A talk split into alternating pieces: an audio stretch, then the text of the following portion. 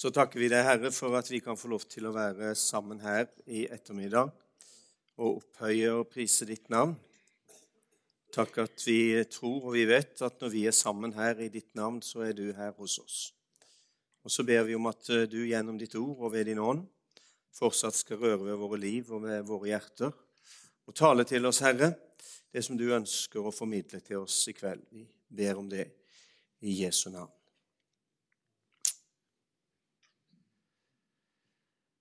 Velkommen inn til oss, var budskapet for de som sto i døra her ute og inviterte til adventssamlinger. Og det er vel det budskapet vi egentlig mer enn noe annet ønsker å formidle. Ei åpen dør, og så invitere mennesker velkommen inn til oss. Velkommen hjem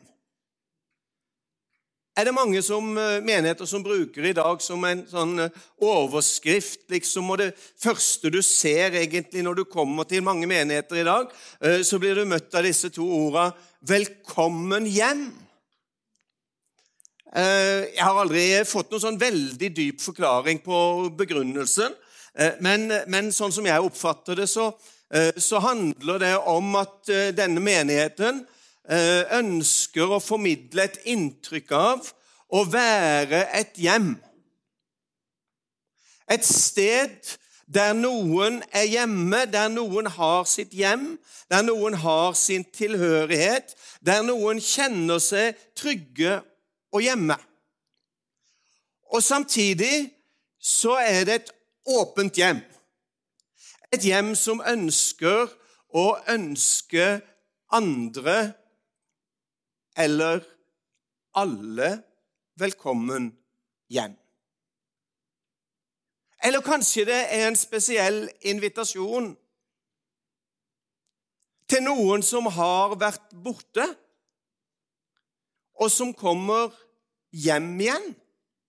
Det er jo alltid hyggelig hvis en har vært borte en stund, eh, og så blir møtt med et 'velkommen hjem'.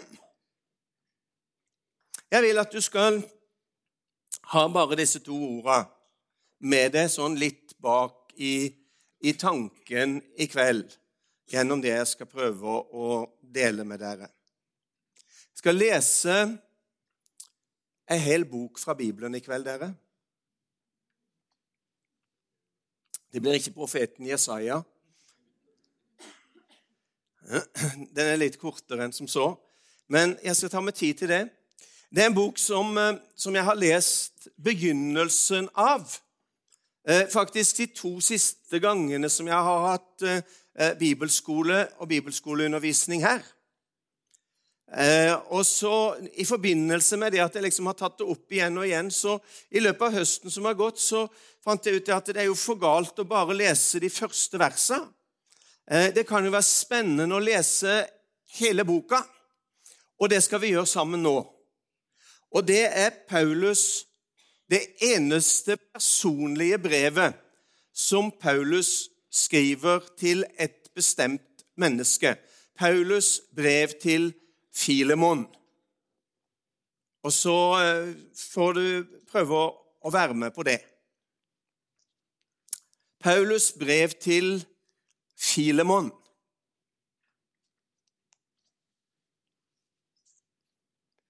Paulus, Jesu, Kristi, Jesu fange, og vår bror Timoteus hilser vår kjære venn og medarbeider Filemon, vår søster Apia, vår stridskamerat Arkipos og menigheten som samles i ditt hus. Nåde være med dere og fred fra Gud, vår Far og Herren Jesus Kristus. Jeg takker alltid min Gud når jeg husker på deg i mine bønner for jeg hører om kjærligheten du har til de hellige, og om din tro på Herren Jesus. Jeg ber om at den tro du har felles med oss, må være virksom, og gi deg større innsikt i alt det gode vi har i Kristus. Din kjærlighet har vært til stor glede og oppmuntring for meg. For takket være deg, bror, er de hellige ved godt mot. I Kristus kunne jeg nå med full rett pålegge deg å gjøre din plikt, men for kjærlighetens skyld vil jeg heller rette en bønn til deg. Her er jeg, den aldrende Paulus, nå også som Kristi Jesu fange. Og jeg ber deg for Onesimos, barnet som jeg har fått her mens jeg sitter i lenker. En gang var han unyttig for deg, men nå er han nyttig både for meg og deg. Når jeg nå sender han tilbake til deg, er det som om jeg sender mitt eget hjerte. Jeg ville gjerne ha beholdt han hos meg, så han kunne ha hjulpet meg i ditt sted når jeg nå bærer lenker for evangeliets skyld. Men uten ditt samtykke vil jeg ikke gjøre noe. For det gode du gjør, skal ikke være av tvang, men frivillig. Kanskje blir han tatt fra deg en stund for at du skal få beholde han for evig. Ikke lenger som slave, men som noe mye mer som en elsket bror. Det er han sannelig for meg. Hvor mye mer må han ikke da være det for deg, både som menneske og i Herren? Hvis du mener at du har fellesskap med meg, så ta imot han som meg selv. Hvis han har gjort deg urett eller skylder deg noe, så sett det på min regning. Dette skriver jeg, Paulus, egenhendig. Jeg skal betale. Jeg vil ikke snakke om det du skylder meg, deg selv. Ja, bror, la meg nå ha nytte av deg i Herren. Gjør mitt hjerte rolig i Kristus. Jeg skriver til deg fordi jeg stoler på at du vil adlyde meg. Ja, jeg vet at du vil gjøre enda mer enn det jeg ber om. Og en ting til. Gjør et gjesterom klart for meg, for jeg håper at jeg skal bli gitt til dere som svar på bønnene deres. Epafras, min medfange for Kristi skyld, hilser deg. Det samme gjør Markus, Aristarkos, Demas og Lukas, mine medarbeidere. Herren Jesu Kristi nåde være med deres ånd. Var ikke det et hyggelig brev? Jeg regner med at mange av oss har eh, lest det før. Men jeg er ikke helt sikker på at vi alle sammen liksom har hele historien intakt. At det liksom er noe av det, det, det som ligger høyest på leselista vår eh, når vi leser Bibelen. Men som sagt, når jeg leste dette igjen, og har lest det noen ganger nå i løpet av høsten, så, eh, så, så, så har det på en måte blitt litt sånn at jeg har sunket litt inn, og så har jeg kjent litt på at her er det noe som jeg tror jeg må dele. Det begynner med Brevet begynner jo, som Paulus ofte gjør,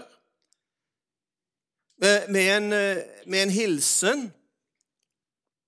Men hvis vi summerer det litt, så kan vi si det sånn at eh, det begynner egentlig med en beskrivelse av en menighet. En fin menighet. En god menighet. For det jeg skal dele nå, det handler om menighet. Paulus begynner med å si 'Jeg er fange'. Og jeg skriver sammen med vår bror Timoteus. Paulus sitter altså i fangenskap i Rom. Og så skriver han dette personlige brevet. Fordi han har fått besøk i fengsel. Og fordi han har fått besøk i fengsel, eh, så ønsker han å skrive om denne mannen som har kommet på besøk. Men før han gjør det, så gir han altså en oppmuntrende hilsen til menighetens leder, sannsynligvis, Filemon. Sannsynligvis så var Filemon menighetsleder i denne menigheten i Kolossé. Hvis du har et kart foran deg, så vil du se at det er ganske stor distanse fra Kolossé, som ligger sånn, eh, litt sånn midt inn i dagens Tyrkia, til Roma, som jeg regner med at de fleste av oss vet hvor ligger henne. En enklere reise i dag enn den gang.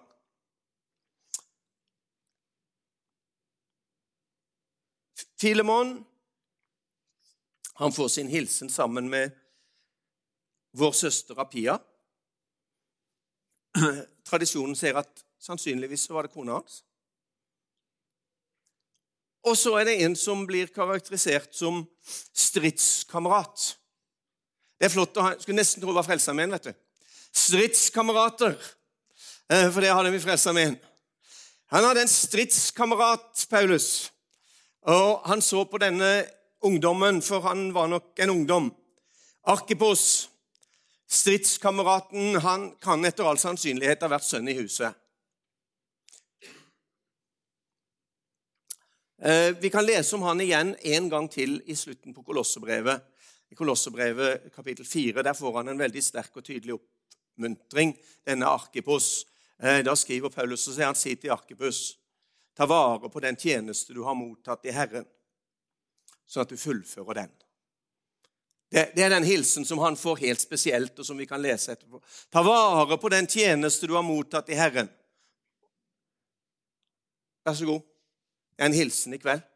Ta vare på den tjeneste du har mottatt i Herren, at du fullfører den. Så er det denne familien som altså har menigheten i sitt hus. En husmenighet hjemme i huset til Filemon så samles menigheten og får en nådehilsen. Nåde være med dere, fred fra Gud, vår Far, og Herren Jesus Kristus. Du har hørt mange en gudstjeneste som har begynt på den måten. Jeg takker alltid Gud for dere. Jeg husker dere i mine bønner.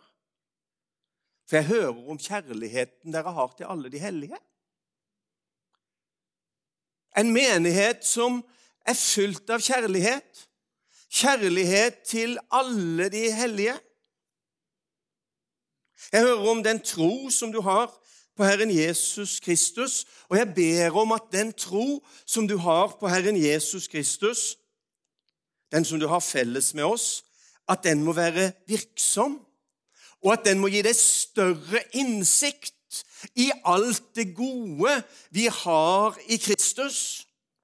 Og Hvis du hadde vært her på onsdag, eh, så hadde du hørt at jeg hadde lagt ut litt mer om hva det ville se, og nødvendigheten av å få større innsikt i alt det gode vi har i Kristus. Jeg skal se litt nå, men Hvis du er interessert i å få hele utdypningen, så, så får du høre på podkasten. Jeg vet ikke om den kommer på podkast ennå, men den kommer sikkert på podkast etter hvert. For det, det, er jo muligheten vi har til å, til å, høre oss opp på det vi ikke har fått med oss. Jeg har vært mye ute og reist det siste, eh, men jeg har hørt meg opp på de siste søndagsmøtene, sånn at jeg vet hva som ble talt om her forrige søndag. Selv om jeg ikke var her da. Og, og dette er egentlig litt i samme gata som det dere hørte forrige søndag. Eh, så kan hende, som noen sa på et ledermøte her, kan jo hende at det er noe Herren vil se oss.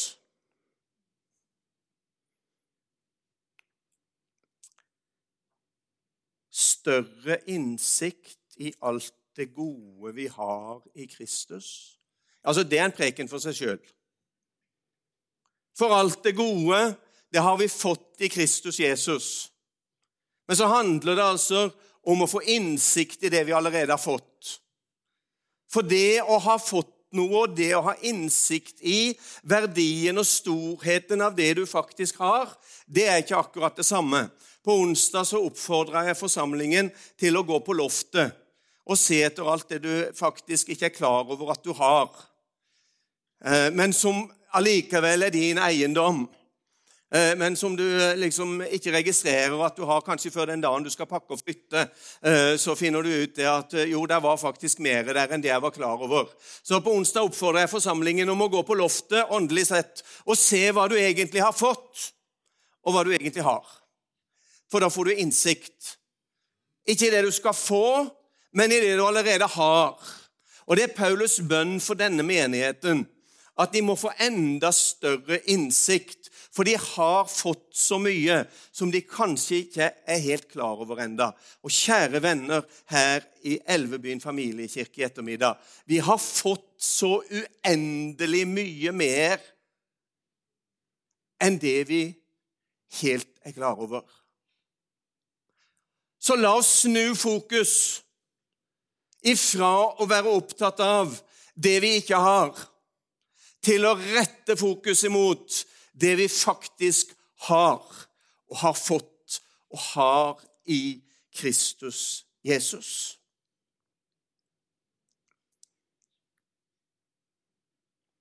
Og dette fokuset, det gjør noe med de menneskene som har det. Og ikke bare med de menneskene som har det, men det gjør noe med menneskene rundt dem. Og hva sto det videre? For din kjærlighet har vært til stor glede og oppmuntring for meg. Og takket være deg, bror, er de hellige ved godt mot. Og så spør jeg igjen, åssen står det til i kveld? Er du ved godt mot? Har du det bra?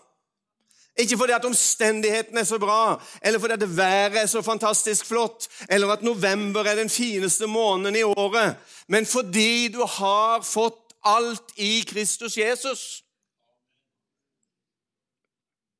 Derfor kan vi være ved godt mot. Uavhengig av omstendigheter og følelser og åssen vi har det, så kan vi være ved godt mot. Fordi at det vi har fått og har i Kristus Jesus, det er uforanderlig. Det er jo det. Det står, og det blir. Og så virker altså denne innsikten i alt det gode som de har i Kristus Jesus, den virker sånn at den blir til oppmuntring. De får være til oppmuntring for hverandre. Og det er fint for en menighet når vi kan få lov til å være til oppmuntring for hverandre. Og at vi kan se til hverandre at eh, takket være deg, så er de hellige ved godt mot. Tenk så fint å kunne få lov til å være med og sette mot i hverandre. Er ikke dette en bra menighet? Jeg tror dette er en bra menighet. Ja. Den har veldig mange gode kvaliteter. Og det ser ut som at den har et bra lederskap. Ser ut som at den har et bra lederskap som leder menigheten i riktig retning. I kjærlighet, mot en større åpenbaring for at det kan være enda mer til oppmuntring. Men så var det noe merkelig med denne menigheten. Og med denne menighetslederen. Og hva var det? Han holdt treller.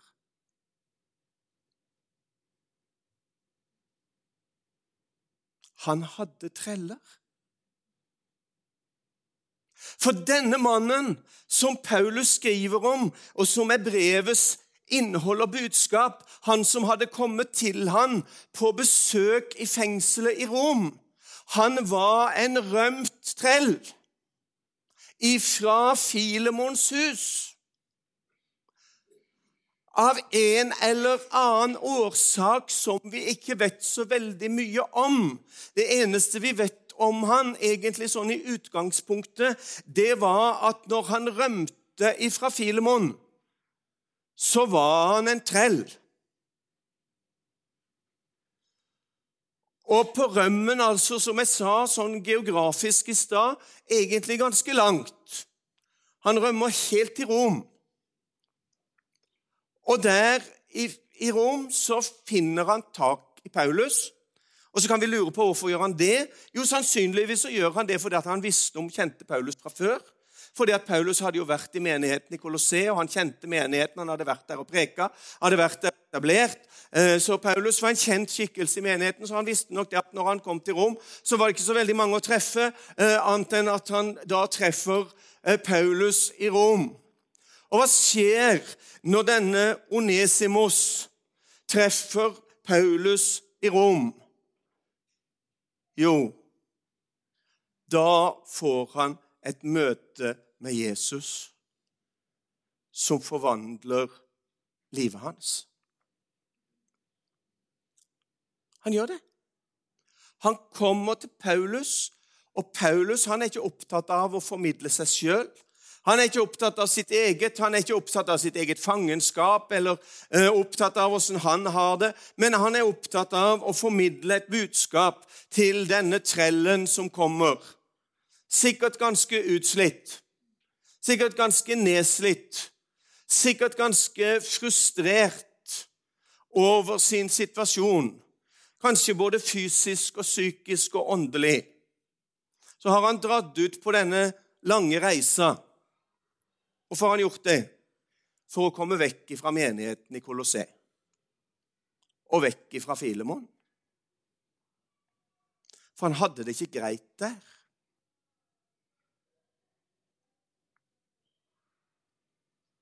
Og det er dette budskapet som på en måte har fanga meg denne høsten, med en nød. Og så stiller jeg meg spørsmålet, Kjell, åssen er det i den gode menigheten? I de gode menighetene, med kjærlighet, med Kristus' åpenbaring, med oppmuntring, med det hele er det faktisk sånn at uh, det fins noen treller der. Det fins noen som sliter der med trelldom, og som ikke er fri. Og som ikke er glad, og som ikke finner seg til rette, og som ikke har det godt. Og som rett og slett stikker av fordi at et eller annet har gjort at det er blitt for trangt, det er blitt for vanskelig å være der. Og så er liksom den eneste utveien å stikke av. Kjenner du noen? Jeg kjenner noen. Jeg kjenner dessverre, og jeg kjenner at det tar meg. Jeg kjenner dessverre altfor mange. Som har vært i våre gode menigheter, som har hørt den gode forkynnelsen, som har opplevd Kristusåpenbaringen, men som samtidig har opplevd at det har vært så trangt og så stramt at de faktisk har blitt treller i hjemmet sitt. Det har faktisk blitt treller i hjemmet sitt. Og så har det for noen dessverre resultert i at de har stukket av. De har blitt borte. Det var ingen som tenkte at det skulle bli sånn. Det var ingen som ønska at det skulle gå sånn. Det var ingen som ville at det skulle være sånn. Men av en eller annen eller flere årsaker så ble det sånn. Lykkelig var denne Onesimos som visste at det var en han kunne gå til og snakke med. Han visste at det var en han kunne gå til og få hjelp. Han visste at det var en som han kunne gå til og utøse sitt hjerte for, og fortelle akkurat åssen han hadde det. Og så møter han altså opp i fengselet. Nå hadde nok Paulus i denne situasjonen i Rom ganske greie soningsforhold. Sånn at det var greit å ta imot besøk, og det var greit for han å skrive brev sammen med andre, og det var greit for han å få sendt det ut og sånn. Han hadde det ikke her sånn som han hadde det i, i fengselet når det at han og Silas sitter i det innerste fangerom og er bundet på hender og føtter med lenker. Men sjøl når han sitter i fengsel i Filippi, så synger han jo lovsanger og priser Herren. Han var ved godt mot, men her har han nok friere forhold, så han kan ta imot denne mannen når han kommer. Han kan ha samtaler med han, han kan undervise han, han kan veilede han, og han kan fortelle han om Jesus. Og så skjer det noe med denne mannen i møte med Paulus. Som jeg sa, han får møte Jesus. Og så får han oppleve det at et møte med Jesus det forvandler livet hans. Og det er jo fremdeles sånn, og det enkle budskapet det ønsker jeg at vi fremdeles skal forkynne med frimodighet. Et møte, et nytt møte med Jesus forvandler situasjoner og forvandler liv.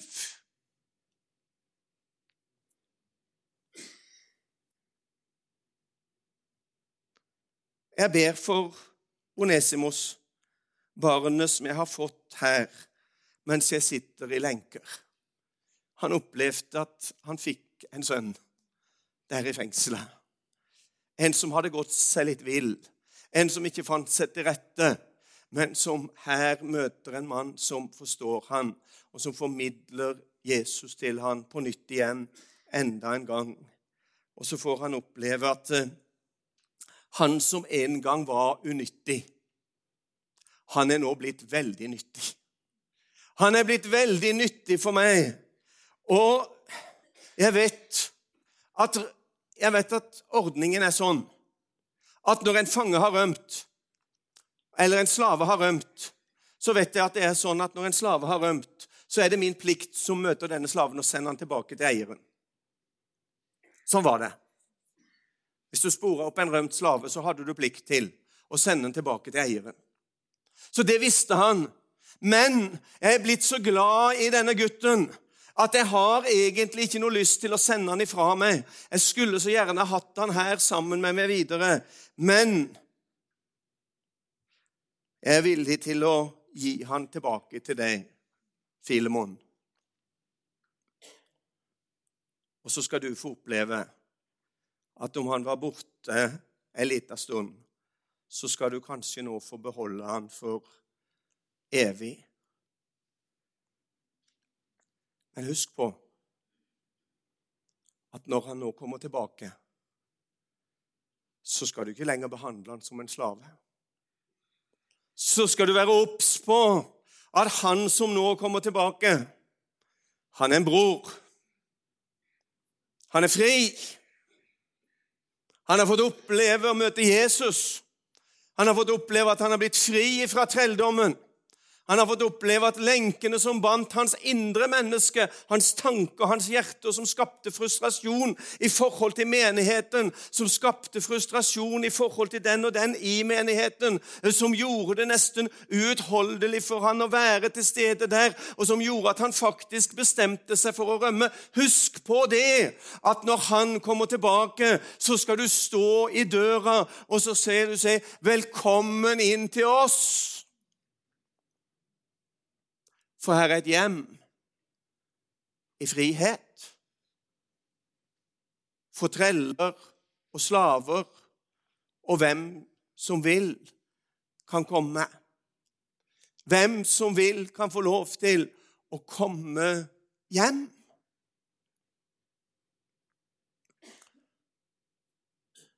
Og så skal jeg trykke på dette som kanskje er et ømt punkt for oss så veldig i kveld. Men jeg skal si det bare sånn. Nå skal vi ha fire søndager der vi vet at det kommer mange mennesker som ikke kommer her på de vanlige søndagsmøtene våre. Mange av de har en eller annen relasjon til menigheten vår. på et eller annet vis. Og så står vi i døra nå og så sier vi 'Velkommen inn til oss'. La de få kjenne når de kommer, at de blir tatt imot med en åpen favn. La de få kjenne når de kommer, at her er det ingen som tenker ja, hva var det som gjorde at du ble borte så lenge? Hvorfor har vi ikke sett deg på så lenge? Hvorfor er det sånn? Og hva var grunnen til ditt og grunnen til datt? Det vet vi ingenting om. Men vi skal få lov til å være et hjem. Og vi skal be Gud om nåde til å få være et hjem. Et sted der mennesker kan komme og oppleve at de kommer hjem. ikke til et trellehus. Må Herren hjelpe oss. Må Gud bevare oss. Jeg kjenner det virkelig som en nød i mitt hjerte. Må Gud hjelpe oss og bevare oss ifra å bli et trellehus. At folk kommer til menigheten vår, og så får de hele regelverket smelt midt i ansiktet nesten før de kommer inn døra istedenfor å få lov til å møte en åpen favn med den guddommelige kjærligheten eh, som forteller at du er elska akkurat sånn som du er. Uansett hvor lenge du har vært på rømmen, uansett hvor langt vekke du har vært, uansett hva du har møtt på når du har vært borte. Her er du velkommen. Ikke som en trell. Du skal ikke tilbake igjen i noe trelldom, men du sier velkommen som en bror. Du er velkommen som en fri mann. Du er velkommen til å være her og oppleve den virkelige frihet. For, for Sønnen frigjort dere. Da blir dere virkelig fri. Det er bare Jesus som kan sette mennesker i fullkommen frihet.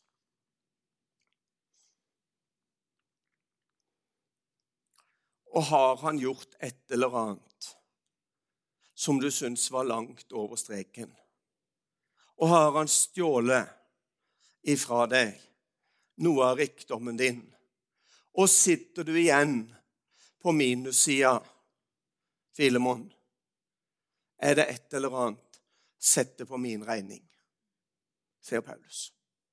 Er det et eller annet, så skriv det på min regning. Jeg skal ordne opp for han. Paulus var ingen rik mann. Han levde på den gava som Gud i sin nåde sørga for at han kunne leve av som en ordets forkynner. Men han hadde et hjertelag eh, som viste at hvis trellen skal bli fri, og jeg kan bidra til det, så er jeg villig til å betale regninga. Jeg er villig til å betale omkostningen for at denne gutten skal bli fri. Og slippe å kjenne på at det er noe som enda tynger han, og som enda holder han nede. Hvis jeg kan bidra på noen som helst slags måte for at han skal oppleve virkelig frihet, så sett det på regninga mi. Hvilken vidunderlig menighetskasserer, holdt jeg på å si. tenk, tenk, tenk, tenk å ha denne innstillingen. Og så forteller historien, ikke Bibelen, men, men historien forteller oss at når det gikk noen tid, så ble denne Onesimos etter kirkelig tradisjon biskop i Efesus.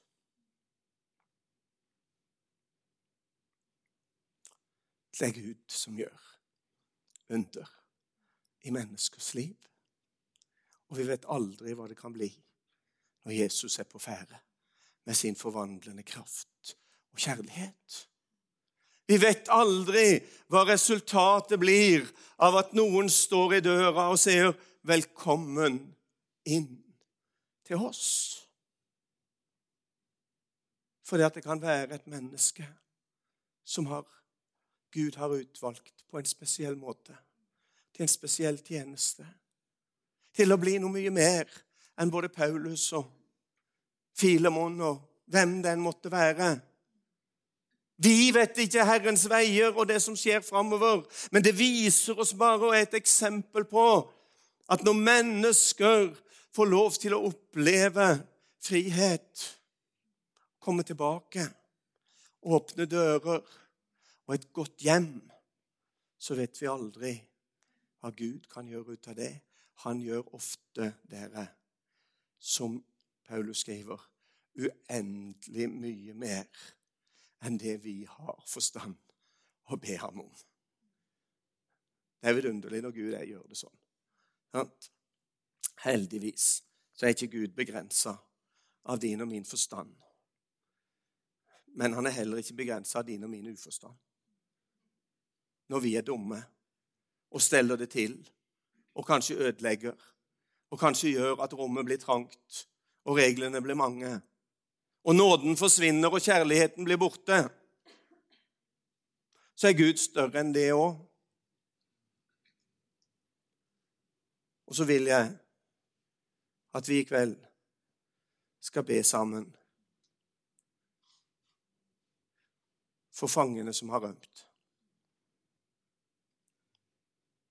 Det som av en eller annen grunn har funnet ut at uh, dette er ikke stedet for meg.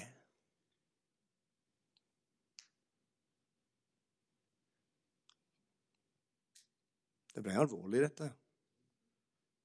Men uh, jeg har kjent at jeg har lagt for mitt hjerte en nød. En nød for alle disse menneskene som kjenner huset, som kjenner folket, som kjenner familien, som kjenner menigheten. Og så er det et eller annet som har gjort at. Så skal vi be om at hver enkelt en av de må treffe en Paulus. Må treffe en Paulus som kan skrive et brev til Eldsterådet og se det at nå kommer de hjem. Og nå må dere åpne døra. Og Jeg ser fram til den dagen når de begynner å komme hjem. Og jeg ber virkelig Gud om at de da må finne en åpen dør. En åpen dør og en kjærlig favn. Herre Jesus, vi takker deg for at du elsker med en evig og grenseløs kjærlighet. Og så vet du alle de som vi som sitter her, har en relasjon til, og som har en relasjon til oss og til menigheten, men som av ulike årsaker ikke lenger finner at det er naturlig for dem å være her sammen med oss. Takk at du elsker dem med en evig og grenseløs kjærlighet. Hjelp oss, Herre, når vi skal gå ut, at vi kan gå ut og møte dem som Paulus gjorde med denne villfarne. Gi oss nåde, Herre, til å være til å være en som kan formidle din forvandlende kraft. For det er du som forvandler mennesker. Det er du som forvandler hjerter. Men du taler til oss, og så ber du oss om å åpne hjertedøra vidt opp.